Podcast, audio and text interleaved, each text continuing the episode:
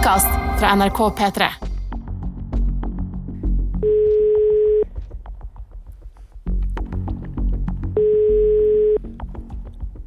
Bo Torén. God dag, Bo Torén fra Dalarna. Det er Vebjørn Espeland som ringer fra NRK P3. Hei, du. N når jeg har googla på navnet ditt, så har det dukka opp sånn Bo Torén, spindelen i netet. Thunberg er lokkedua til forretningsmannen Bo Torén. Bo Torén, mannen bakom Greta Thunberg. Eh, Hva tenker du om den slags? Um. We will not let you get away with this. Right here, right. Det er åpenbart et sånn barnestjerneapparat eh, rundt henne. Når man eh, hevder at jordkloden går til helvete om ti år, så syns jeg vel det er å profetere dommedag. Right here, right now. Fenomenet Greta Thunberg er en serie på fire episoder fra P3 Dokumentar. Andre episode Hvem står bak Greta? Nå er jeg utenfor. Nu är jag utanför riksdagshuset i Stockholm på väg bort mot huvudentrén här. Ja, men der sitter det faktisk noen. Ska vi se om det er Greta. Det er den 20. august 2018, og Greta Thunberg har satt seg ned med streikeplakaten sin på Mynttorget framfor Riksdagen, det svenske Stortinget. Hvor lenge har du sittet her nå? Sen åtte, halv nio. Hvordan er det å sitte her? Det er bra. Nå sitter vi i solen, da slipper man fryse i alle fall. Hun har lagt ut to bilder til sine 20 følgere. I starten går de fleste rett forbi og sender brydde blikk, eller overser henne som om hun er en tigger. Men så får hun litt skryt av en forbipasserende, og deretter En annen kvinne stanner til og gjør tydelig at hun er mindre imponert. Hun sier til Greta at hun syns skolk er helt fel sett å drive en fråga. To andre damer stopper opp og forklarer Greta at det er skoleplikt i Sverige, og at de er bekymra for framtida hennes. Det synes hovedpersonen er litt ironisk. Foreldra til Greta Thunberg har trodd at hun kommer til å gi seg etter noen få timer, men det skjer ikke.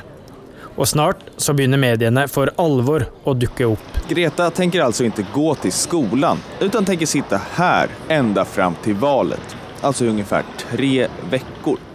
Plutselig så har ei 15 år gammel jente med 20 følgere på Twitter og Instagram hele Sveriges oppmerksomhet. Åssen spredde det her seg i Sverige? Ja, Journalist i Ekspressen, Karin Sørbring, har intervjua Greta Thunberg og familien flere ganger. exakt hur det gick till. Hon hade ju förankrat det här hos olika personer engagerade i klimatrörelsen. Gretas föräldrar är ju också kända och har förstås nätverk och annat. Det er litt fascinerende å gå tilbake på Twitter via diverse datosøk til denne augustdagen i 2018. Musikere og klimaforkjempere Staffan Lindberg og Stefan Sundstrøm retvitrer til sine 1500 og 12 000 følgere.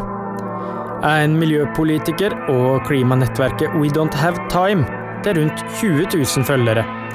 Og ikke minst mamma Malene Ernmann til sine 45 000 følgere. Bildene sprer seg på nettet som ild i tørr sommerskau. Aktivister som i årevis har jobba for å sette klima på dagsorden, stikker innom og gir tommelen opp. Og et dokumentarteam dukker opp og spør om de kan få lov til å filme henne. Vad hoppas du ska hända med att du sitter där? Att klimatfrågan lyfts i media och att folk börjar prata om det och bry sig om det. Och förhoppningsvis kanske påverka valet, att det blir ett klimatval. Klokka er tre, og lenge etter at Greta Thunbergs medelever på skolen er ferdig, da svenske Petre kommer innom og forteller at Greta er spredd overalt i sosiale medier. Hun blir veldig overraska, og nesten i gledessjokk så sykler hun hjem til familien. I boka til mora så står det hun er glad, det synes på hele kroppen. Det er nesten så hun hopper på sykkelsetet.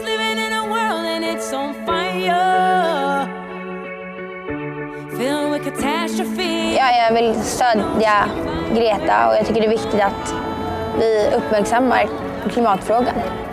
På streikedag nummer to så kommer åttendeklassingen Mason og setter seg ved sida av Greta. Og dagene etter så kommer det enda flere unge. Hvordan fikk du reda på at Greta satt her? Jeg skulle gå og legge meg, och så kom min mamma inn på mitt rum og viste meg en opplegg på Facebook. Og hva sa du da? da? Så sa jeg fett coolt, jeg kanskje skal, burde gå dit. Og nå sitter jag här. Eller kanelbullar. Två kvinnor kommer ut ur riksdagshuset med händerna fulla av kanelbullar. Många kommer och frågar, vill ni ha någonting? Snart så surrer en bisvärm av pressefolk rundt hovedpersonen på Mynttorget. Det har ju varit väldigt många medier och journalister här innan jag kom hit. Har du räknat? Nej, det har jag inte. Det är kanske 15. Midt i valgkampinnspurten har en 15-åring rigget seg til utenfor Sveriges riksdag med krav om å bli hørt av dem som skal legge grunnlaget for hennes generasjon.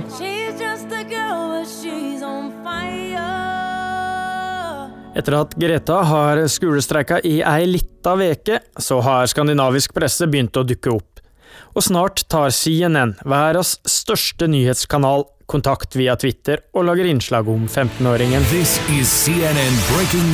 På det her tidspunktet så begynte nok en og annen sjef i svensk TV å angre på avgjørelsen de gjorde noen måneder tidligere, ifølge Karin Sørbring i Expressen.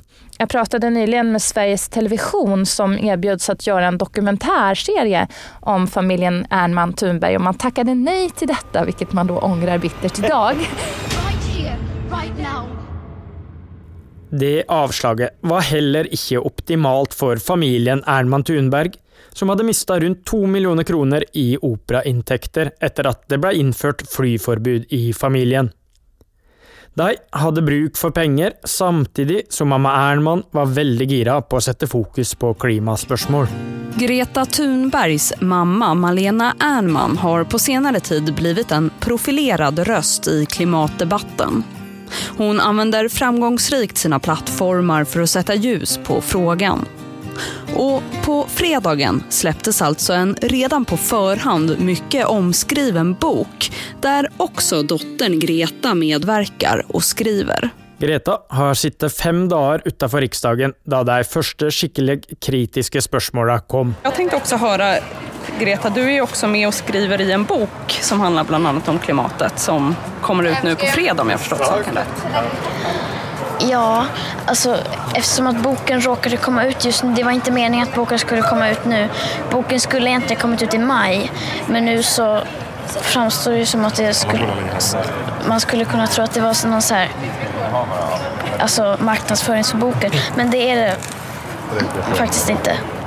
Och det är många som ja, tror at det er så. Og det. Är det många journalister som har frågat om boken? Nej, du för det första. Jag kontaktar också bokförlaget och de säger samma sak som Greta.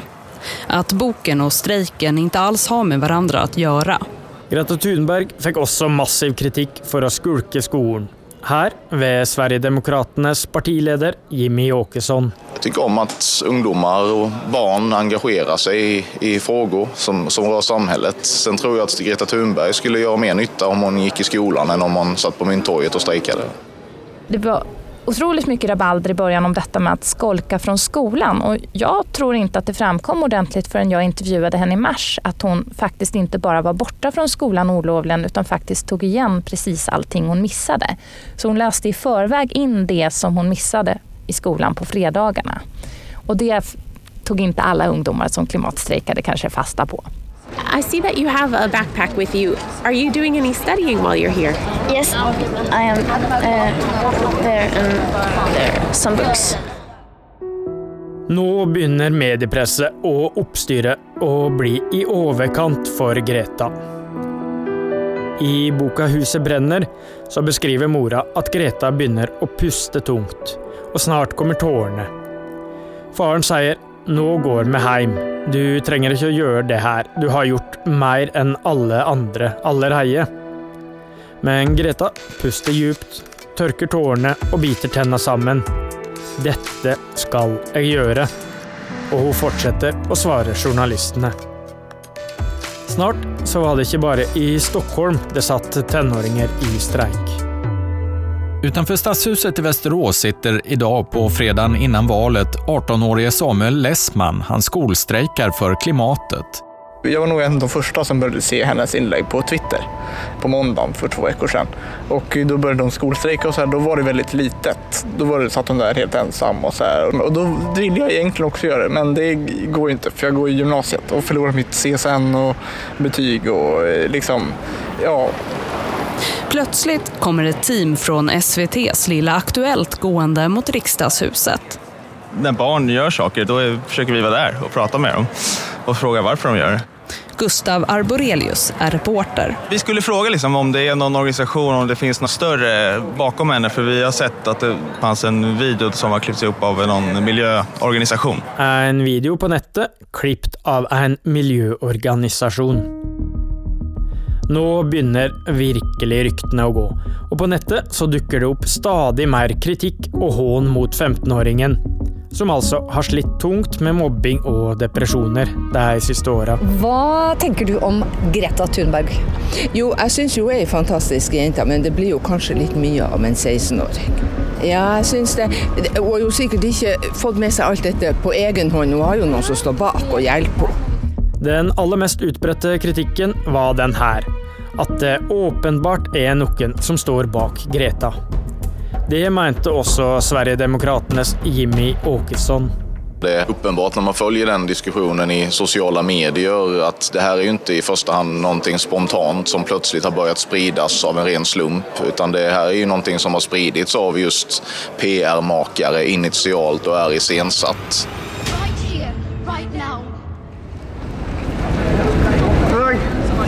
Takk for det. Jeg møtte Lars Akerhaug på Oslo S. Sist jeg møtte han på ei journalistreise med daværende miljøminister Erik Solheim til Nepal i 2008, så hadde Akerhaug nettopp gitt seg som kommunist- og Rødt-politiker. Siden den tid så har han gått gradvis til høyre, og er i dag redaksjonssjef for Resett, som er kritisk til både innvandring og klimasaken. Vi slipper til kritiske røster, eh, særlig da meningsinnlegg, som nok kanskje ikke hadde blitt publisert andre steder. Dere har jo rundt 250 saker om Greta Thunberg. En del av de handler om hvem som står bak Greta Thunberg. Hva tenker du rundt det? Jeg, jeg vet ikke på en måte hva som dreier seg om økonomiske motiver og hva som dreier seg om idealistiske motiver, men det er åpenbart at hun ikke agerer kun på øh, egne vegne. Det dreier seg både om foreldre og om andre typer nettverk. Er det noe problematisk i det? At du har noen, et team rundt seg? Det er ikke nødvendigvis problematisk, men uh, igjen så er det snakk om en 16-åring, da. Uh, hvor meningene hennes uh, tillegges unormalt stor vekt i forhold til alder og, og modenhetsnivå, sånn typ generelt i den alderen. Og samtidig så har ikke de etablerte mediene vært så flinke til å få frem at hun ikke bare er en 16-åring som plutselig bestemte seg for å streike på skolen, men at uh, her er det en familie og nettverk rundt henne som også er aktive. Det er et åpenbart sånn barnestjerneapparat rundt henne, og det er folk som bruker henne politisk også, som soler seg i glansen av henne, og som prøver å høste politisk gevinst. Du kan ikke være så naiv at vi tror at hun liksom bare kommer av seg selv fra Sinai-fjellet, liksom. Ja, er det åpenbart at Greta Thunberg ikke handler på egne vegne, slik som bl.a. VGs Anders Giæver hevder her? Og hvem er i så fall disse folka og nettverket bak henne? Hvem er det som bruker henne, da? Det er den uh, politisk korrekte klimalobbyen som er styrt av George Soros. Han da, det er uh, Det er jo apparatet rundt henne. Her spøker Giæver med at det er massemilliardæren George Soros som står bak Greta. Og det er en konspirasjon som stadig skulle komme til å dukke opp, som vi kommer tilbake til i neste episode. Men utover i 2019 så var det et annet navn som begynte å dukke opp. Thunberg har et apparat i ryggen, det er det ingen eh, tvil om. Og det hadde jo vært egentlig litt interessant om media hadde tatt litt tak i det. og Ja, hva slags apparat er det? Ja, det er jo på en måte en som heter Bo Torén, som fikk tak i Greta eh, i 2018.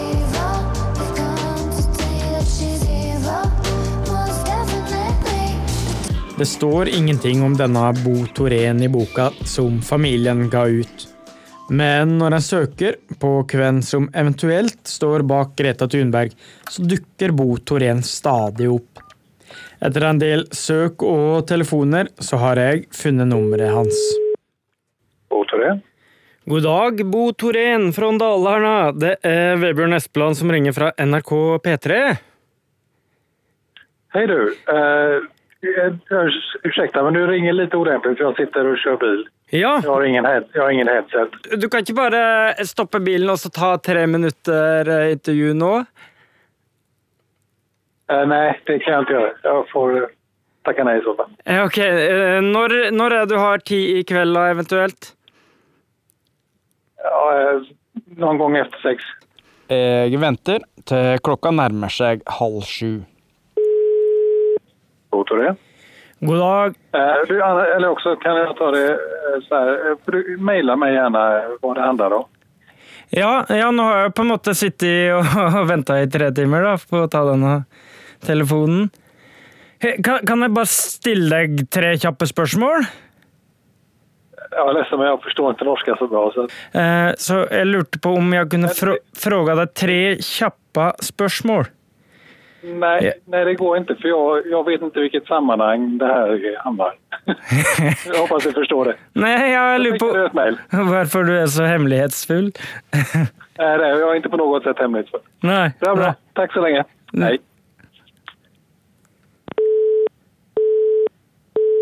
Hmm.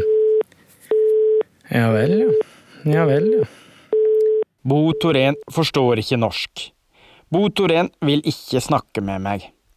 Nå begynner jeg å overtale han på e-post, for jeg blir veldig nysgjerrig på den her påståtte edderkopp- eller blekkspruten. Bruk hodet, vi har bare én klode. Folk begynte å bry seg om miljøvern da røyk og gift begynte å fylle luft, lunger og elver på 1800-tallet. Og noen skjønte at naturen kanskje ikke var ei utømmelig søppelbøtte. Da Rjukanfossen blei lagt i rør på starten av 1900-tallet, så stifta en foreninga som etter hvert blei til Naturvernforbundet og Natur og Ungdom. I starten så jobba naturvernerne for freding av fossefall, fugler, rovdyr og nasjonalparker. For eksempel så blei Jotunheimen foreslått som nasjonalpark i 1921. Norske politikere var ikke helt klar for det da, før forslaget ble vedtatt i 1980. På 70-tallet begynte en å bryte lover og regler, særlig for å hindre store oppdemninger av norske elver og fosser. Leiren blir ikke ryddet, og vi legger ikke ned leiren. Og vi har hittil klart å styre gemyttene blant våre demonstranter. At vi har folk fra utlandet, det innrømmer vi gjerne.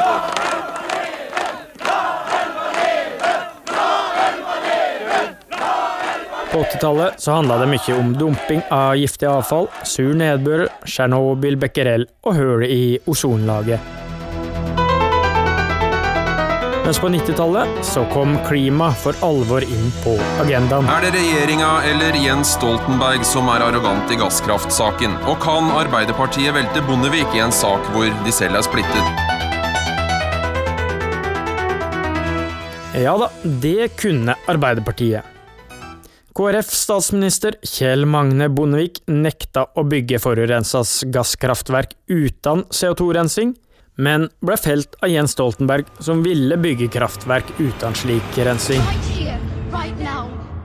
Sjøl om klimakampen er ganske ny, så er kunnskapen om drivhuseffekten ganske gammel. Den første som tallfesta at auka CO2 i atmosfæra ville føre til auka temperatur, det var en svensk kjemiker og nobelprisvinner. I 1896 så regna han seg fram til at CO2-nivået i atmosfæra ville stige med rundt 50% i løpet av de neste 2000 åra. Det tok bare 120 år. Den svenske nobelprisvinneren heter Svante Arenius, og det er mannen som Gretas far er oppkalt etter. Denne pioneren bak drivhuseffekta var nemlig nevø av tipp-tipp-tippoldemora til Greta Thunberg. That's my family tree. That's my family tree. No bad vibes, just good energy. If you know about them, then you know about me. Yeah. Etter bare tre uker med skolestreik så inviterte filmikonet Schwarzenegger Greta Thunberg med på en klimakonferanse. Greta Thunberg svarade Arnold Schwarzenegger på Twitter. Räkna med mig. Hasta la vista baby, skrev hon. Hasta la vista baby är ett känt citat som Arnold Schwarzenegger sa i filmen Terminator. Hasta la vista, baby. Og etter noen måneder så hadde streiken spredd seg over hele verden. Thousands of children across Australia went on strike from school on Friday to demand political action on climate change, a move that angered Australia's Prime Minister Scott Morrison. Kids should go to school. That's what we're committed to. Etter det har skoleelever og tenåringer streiket i Brussel, Sydney, Berlin, London og mange andre byer. Og nå har protestene kommet til Norge. I dag var det stor demonstrasjon i Bergen, og neste fredag kan det eksplodere i ungdomsstreiker i 1200 byer i 90 land. Her hjemme håper arrangørene at over 10 000 skoleelever fra Mandal til Longyearbyen skal ta fri fra skolen for å protestere mot det de kaller klimaranet fra barn og ungdom. Et halvt år etter at Greta satte seg ned med plakaten sin, så streika over én million skoleelever i 125 av verdens 195 land. Et halvt år etter at Greta satte seg framfor Riksdagen, så var hun sjølskreven på alle viktige møter i verden. Vi så jo noen bilder av deg, da var du 15, nå er du 16. Eh, fra klimatoppmøtet i Polen. Mm. Hvordan var det for deg å tale der og være der? Var det, var det imponerende å se hvordan det her klimaarbeidet pågår så på nært hånd? Ja, men man kjenner liksom at de, de vill egentligen inte vara där på något sätt. De er bare der for at det er ett FN-toppmöte. Det känns liksom ikke ekte. I matsalen så äter alla hamburgare till exempel och det, okay. det händer inte så mye. Det er mest snack. Og plutselig så var 16-åringen pensum på skolen. I ei engelskprøve fikk Thunberg og medelevene se et nyhetsinnslag om skolestreik i Storbritannia. Spørsmål nummer én Who started this movement? I did, svarte Greta. Spørsmål nummer to What does Greta Thunberg say about this topic? Heller ikke der hadde hun store problemer med å svare godt. Og mens ungdom i Norge brølte for klima, så møtte Greta Thunberg paven og talte til rikingene i Davos. Du skal møte bl.a. Bono, og det, jeg vet at John Kerry har bedt om at du skal komme. altså USAs tidligere eh, utenriksminister. Hvor kommer du dit? Tåg, nattåg. Totalt tror jeg det er 65 timer fram og tilbake. Men det, då får man passa på å gjøre saker på tåget, Skrive tal og sånt. Alt det her skjedde i løpet av ni måneder, altså et svangerskap. Og det hele framstår utafra som ganske tilfeldig, som et klassisk tilfelle av rett person til rett tid. Eller Jo lenger man gransker klimastreiken, jo lenger bort fra hovedpersonen kommer man. Bo Torens rolle er nok større enn hva som er fremstilt i media så langt. Greta Thunberg fikk hjelp til å bli verdenskjendis på to måneder. Torén fant til slutt den perfekte ungdommen til å fronte sin sak. Etter flere e-poster og et par veker fram og tilbake, så har jeg til slutt lykkes i å få ei ny intervjuavtale med Bo Torén, via et videokonferanseprogram som han foretrekker. Se der, vet du. Hallo, hallo. Hallo. Teknologi. Så, hører du meg? Jeg hører deg. Hører du meg? Ja da. Ja. Jeg hører deg godt. Så bra, så bra. Hvor er din svarske? Mi ja. Min svorska skal få kjørt seg nå. Åssen er det med koronafrykt i eh, Dalarna om dagen? Eh, ja, i Dalsland, men annars riktig. Ja, det er koronafritt på arbeid. Ja, det er det. Hva er forskjell på Dalarna og Dalsland? Dalarna ligger norr om Dalsland. Det er lengre nord. Jeg skjønner. Kan du fortelle litt hvem du er og hva du driver med? Jag, vem jag är? Jag är en trebarnsfar som eh, har bott i Göteborg og nå flyttet til Dalsland. Han forteller at han er utdannet ingeniør og virkelig begynte å brenne for klima i 2012, etter å ha sett luftfotodokumentaren Home. I noen år så jobba Torén med å få penger bort fra fossil energi i Sverige, men i 2018 så slo det han at ungdom var usynlige i klimakampen. På samme tid så skolestreika nær én million elever i USA for å få en ny våpenpolitikk etter flere skoleskytinger. Og da tenkte jeg at vi skulle kunne ta den ideen til Sverige, men med skillnaden at det ikke gjelder vapenfrågan utan det gjelder klimatet. I mai 2018 så kom Bo Torén over ei skrivekonkurranse for unge i Svenska Dagbladet. Og jeg var i kontakt med pappaen tror jeg, til hon som vann. Eh, Greta Thunberg, kom tvåa. Men vinnaren var inte intresserad av att vara med på de här mötena. Däremot fick jag på omvägar kontakt med Greta Thunberg eh, via hennes pappa, Svante. Och eh, Greta var den som eh, blev mest tänd på den idén. Det här var en ny idé. Det här skulle vi kunna göra. Och på det efterföljande mötet så var det ganska tydligt att det här kommer Greta göra oberoende av vad andra gör.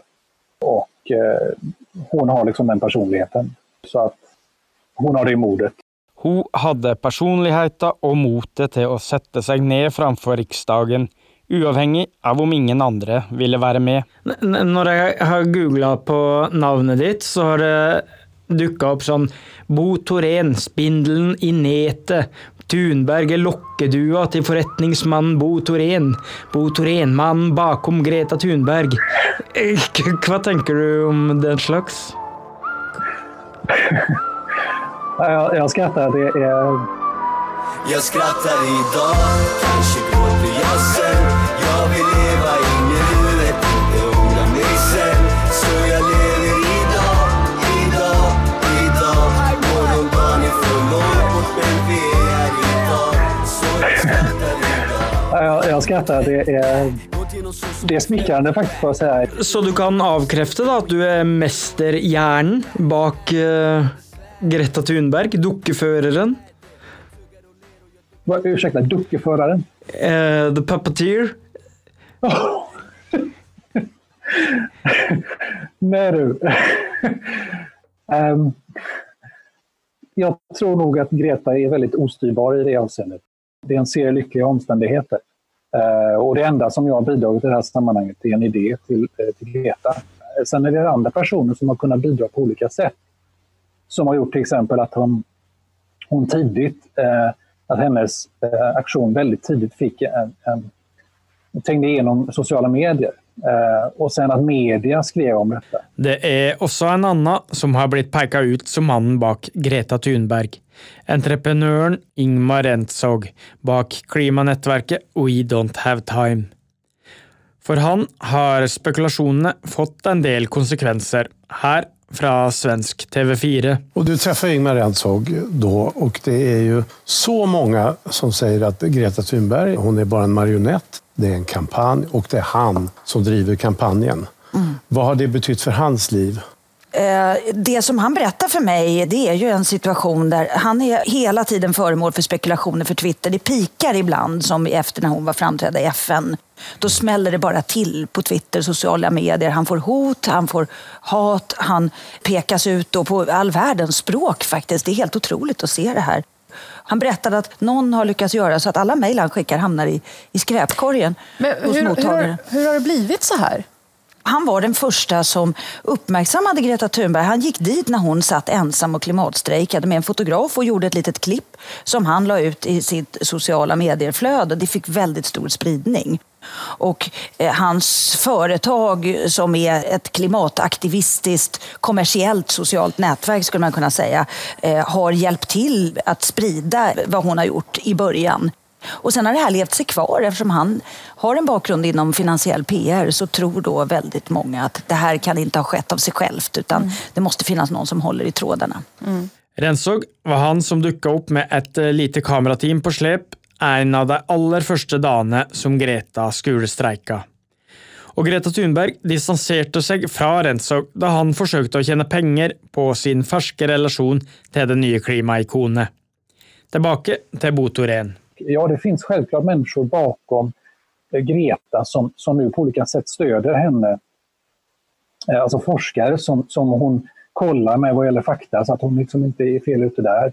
Och människor som hjälper henne att planera eh, resor och, och bostäder och så vidare. Men jag har inte haft kontakt med Greta sedan 2018 tror jag om jag minns rätt. Men någon mastermind eller något sånt nej, nej, nej, nej. Det är helt, helt uppåt väggarna. Det finns ingen sån. Etter omfattende spekulasjoner så gikk mor Malene Ernmann ut på Facebook over nyttår 2019 og bekrefta at det var Bo Torén som hadde ideen bak skolestreiken, noe som gjorde han sjøl litt bekymra. Helt plutselig begynte folk ringe. Framfor alt så visste jeg liksom ikke okej, vad- vad kommer det få for konsekvenser for meg og min familie. Jeg var litt derfor du var såpass skeptisk til å være med i intervju også. Ja, jo, det stemmer jo. Alltså, det har skapat en del oro. Det har också gett möjligheter att nå ut på olika sätt. Vilket är en anledning till att jag tackade ja till att med här. För jag har förstått att i Norge så finns en rättelse som inte stämmer. Eh, och min medverkan här kanske kan vara ett sätt att ge en annan bild av hur det faktiskt var från början. Men än så länge, så, tack och lov, så har det inte inneburit någonting som har varit konsekvenser för mig och min familj. Hva oppstår helt ut av ingenting? Hvem kommer seg fram helt uten støttespillere? Det er veldig mange spekulasjoner om hvem som står bak Greta Thunberg, mens det er mindre snakk om hva for økonomiske krefter som står bak Norges statsminister eller Amerikas president. Og apropos Solberg og Trump. I neste episode Hvorfor blir folk så sinte på Greta Thunberg? It's all wrong. I shouldn't be up here. I should be back in school. Etter FN-talla i New York så tok jubelen, kritikken, konspirasjonene og sinnet virkelig av. Du kan markere det uten å droppe ut av skolen. Seilbåten er det Edmund Rothschild som eier. Verdens rikeste familie med offisiell formue på 700 trillioner dollar. Jeg skjønner at folk blir uh, forbanna. Soros står og holder rundt uh, Greta Thunberg. Uh... Det bildet er uh, manipulert.